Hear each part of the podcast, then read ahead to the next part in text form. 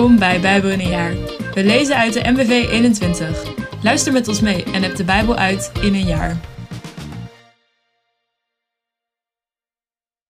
Hoi, het is vandaag 21 eh, januari. Ik ben Elsbeth en ik ga voor jullie dit even voorlezen. Uh, we beginnen met Psalm 12, dan Genesis 41, vers 41 tot 57, dan Genesis 42, Matthäus 14 van vers 22 tot 36 en dan Matthäus 15 van vers 1 tot 9. Psalm 12 voor de koorleider op de wijs van de achtste, de psalm van David. Grijp in, Heer, niemand is nog trouw, geen mens spreekt nog de waarheid. Ze beliegen elkaar allemaal, vals en verraderlijk is hun woord. Heer, snijd hun valse tong af. Snoer de monden vol grootspraak. Die zeggen: Met onze tong zijn we sterk. Onze mond helpt ons. Wie kan ons aan? Zwakken en armen zuchten onder het geweld. Om hen sta ik op, zegt de Heer. Ik breng de redding die zij verlangen. De woorden van de Heer zijn zuiver, als zilver, gesmolten in de smeltkuil. Gelouterd tot zevenmaal toe. Behoed hen, Heer. Bescherm hem steeds tegen dat volk. Overal sluipen verraders rond, en onder de mensen verbreidt zich het kwaad. Genesis 41, vers 41 tot 57. Hij vervolgde: Hierbij stel ik u aan over heel Egypte. En hij deed zijn zegelring af, schoof die aan Je Jozef vinger, gaf hem kleren van fijn linnen en hing hem een gouden keten om de hals. Hij liet hem rondrijden in de één na mooiste wagen die hij bezat. En voor Jozef uit gingen dienaren die riepen eerbied. Zo, zo stelde hij Jozef aan over heel Egypte. Ik ben de farao, zei hij. Maar zonder uw toestemming zal niemand in heel Egypte ook maar één stap verzetten. Hij gaf Jozef de naam Penat Peneach en hij gaf hem Adnas tot vrouw. Zij was een dochter van Potifera, een priester in Heliopolis. Jozef reisde heel Egypte door. Dertig jaar oud was hij toen hij in de dienst kwam bij de farao, de koning van de Egypte. Jozef verliet het koninklijk paleis om het hele land te doorkruisen. In de zeven jaren van overvloed kon er in het land volop worden geoogst. Al het voedsel dat Egypte in de zeven jaar voortbracht, werd verzameld en in de steden opgeslagen. In elke stad sloeg men de opbrengst van de omliggende akkers op. Het graan dat Jozef bijeenbracht, was al het zand bij de zee. Het was zoveel dat men maar ophield de voorraad te tellen, want er was geen tellen, tellen meer aan. Nog voordat de periode van de hongersnood aanbrak, kreeg Jozef twee zonen bij Asnat, de dochter van Potifera, de priester uit Helipolis. Zijn eerstgeborene noemde hij Manasseh, omdat God hem al zijn ellende en het gemis van zijn familie had doen vergeten. Het tweede kind noemde hij Ephraim, want, zei hij, God heeft mij vruchtbaar gemaakt in dit land, waar ik zoveel te verduren heb gehad. Aan de zeven jaren waarin heel. Sorry. Aan de jaren waarin er in heel Egypte overvloed was, kwam een einde. En de zeven jaren van hongersnood braken aan, zoals Jozef had voorspeld. In alle landen heerste de hongersnood, maar in Egypte had iedereen te eten. Toen ook de Egyptenaren honger begonnen te lijden en de mensen steeds luider om eten riepen bij de farao, zei deze tegen hem: Ga maar naar Jozef en doe wat hij zegt. Toen de hongersnood zich over het hele land had uitgebreid, liet Jozef alle voorraad schuren open, openen, openen en verkocht hij het graan aan de bevolking. De hongersnood in Egypte um, werd, werd steeds erger. En ook uit alle andere landen kwamen de mensen naar Egypte om bij Jozef graan te kopen. Zo erg was de hongersnood overal. Genesis 42. Jozefs broers in Egypte. Toen Jacob hoorde dat er in Egypte graan was, zei hij tegen zijn zonen: Waarom ondernemen jullie niets? Ik heb het gehoord dat er in Egypte graan is, te krijgen is. Ga er naartoe en koop daar graan voor ons, zodat we in het leven blijven en niet van de honger omkomen. Hierin, hierop gingen tien van Jozefs, broer, Jozefs broers op reis om bij de Egyptenaren graan te kopen. Jacob liet Benjamin, Jozefs volle broer, niet met de anderen meegaan, uit angst dat hem iets zou overkomen. Zo kwamen Israëls zonen graan kopen, samen met vele anderen, omdat de hongersnood ook Canaan in zijn greep hield. Jozef ehm, was de hoogste machtshebber in het land en iedereen moest bij hem graan kopen. Toen zijn broers voor hem verschenen, bogen ze zich diep voor hem neer. Zodra Jozef zijn broer zag, herkende hij hem. Maar hij deed alsof zij vrienden voor hem waren en vroeg op een strenge, strenge toon: Waar komen jullie vandaan? Ze antwoordden dat ze uit Canaan kwamen en voedsel wilden kopen. Jozef herkende zijn broers wel, maar zij herkenden hem niet. Hij herinnerde zich dat hij over hen had gedroomd en zei tegen hen: Jullie zijn spionnen. Jullie zijn hier gekomen om te zien wat de, de zwakke plekken van het land zijn. Nee, heer, antwoordden ze. Uw dienaren zijn hier alleen maar gekomen om voedsel te kopen. Wij zijn allemaal zonen van dezelfde man. Wij zijn eerlijke mensen en geen spionnen. Dat is niet waar, hield Jozef vol. Jullie zijn hier gekomen om te zien wat de, wat de zwakke plekken van het land zijn. Ze zeiden nog eens: Uw dienaren zijn met zijn twaalfen. We zijn broers, zonen van dezelfde man uit Canaan. De jongste is op dit moment bij onze vader. En één is er niet meer. Maar Jozef zei: Ik blijf erbij dat jullie spionnen zijn. Bewijs me waar dat jullie te vertrouwen zijn. Jullie gaan hier niet va- vandaan tenzij jullie jongste broer hierheen komt.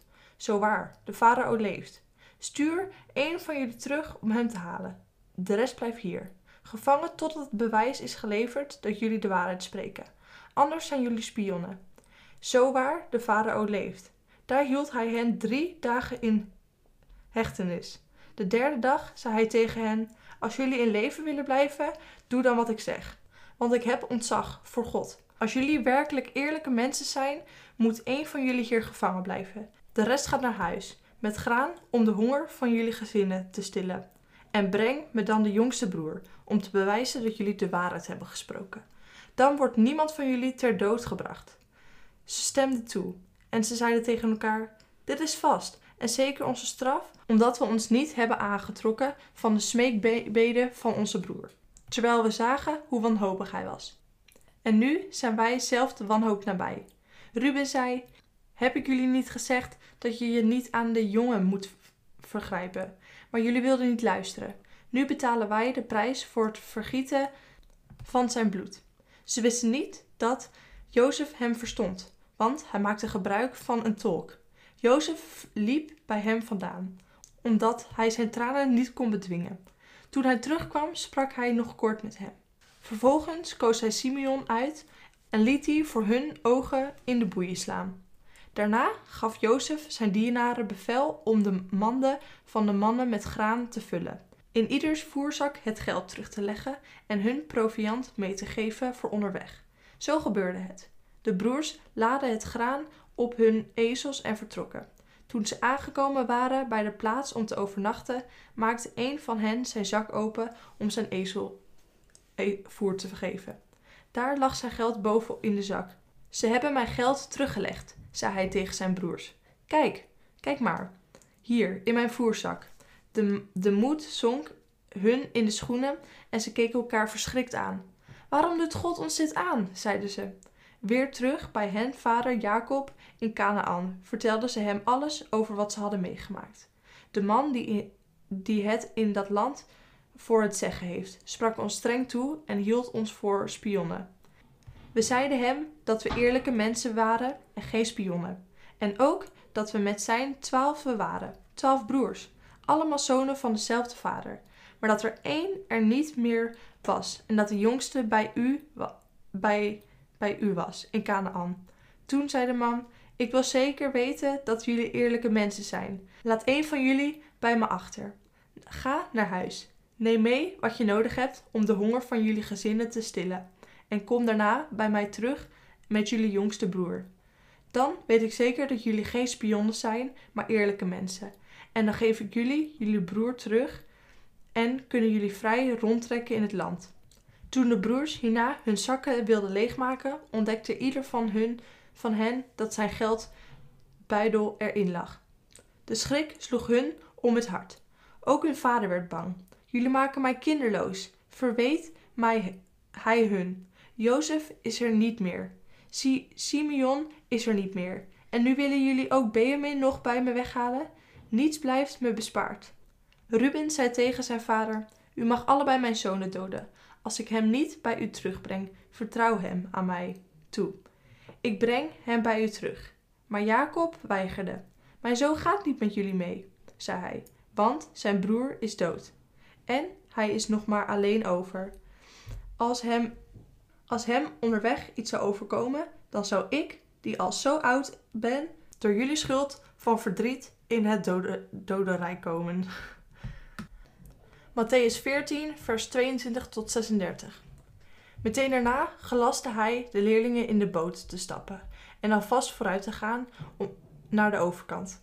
Hij zou ook komen nadat hij de mensen had weggestuurd. Toen hij hen weggestuurd had, ging hij de berg op om er in afzondering te bidden. De nacht viel en hij was daar helemaal alleen. De boot was intussen al vele stadien van, de, van het vastland verwijderd en werd als gevolg van de tegenwind door de golven geteisterd. Tegen het eind van de nacht kwam hij naar hem toe, lopend over het water. Toen de leerlingen hem op het water zagen lopen, raakten ze in paniek. Ze riepen: Een geest! en schreeuwden het uit van angst. Meteen sprak Jezus hen aan: Houd moed, ik ben het. Wees niet bang. Petrus antwoordde: Heer, als u het bent, zeg me dan dat ik over het water naar u toe moet komen. Hij zei: Kom. Petrus stapte uit de boot en liep over het water naar Jezus toe. Maar toen hij voelde hoe sterk de wind was, werd hij bang. Hij begon te zinken en schreeuwde het uit: Heer, red me!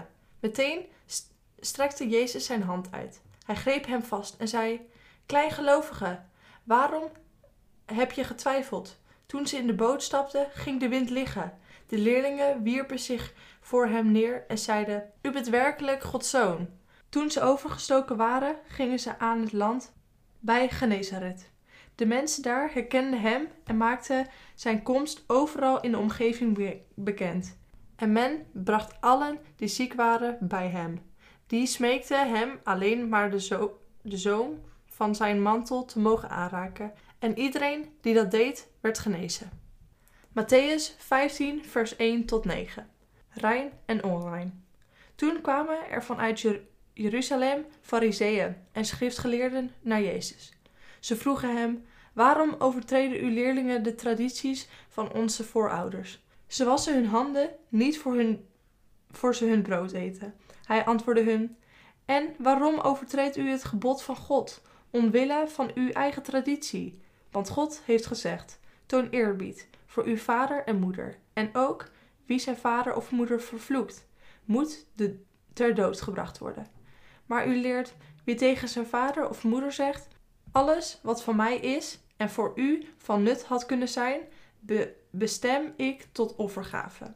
Die hoeft zijn ouders geen eerbied te tonen. Zo onkracht u het woord van God, omwille van uw eigen traditie. Huigelaars, hoe treffend is de profetie die Jesaja over u heeft uitgesproken. Dit volk eert mij met de lippen, maar hun hart is ver van mij. Tevergeefs vereren ze mij, want wat ze onderwijzen zijn voorschriften van mensen. Bedankt voor het luisteren naar dit stuk. Onthoud, God heeft altijd je ogen op jou en een fijne dag.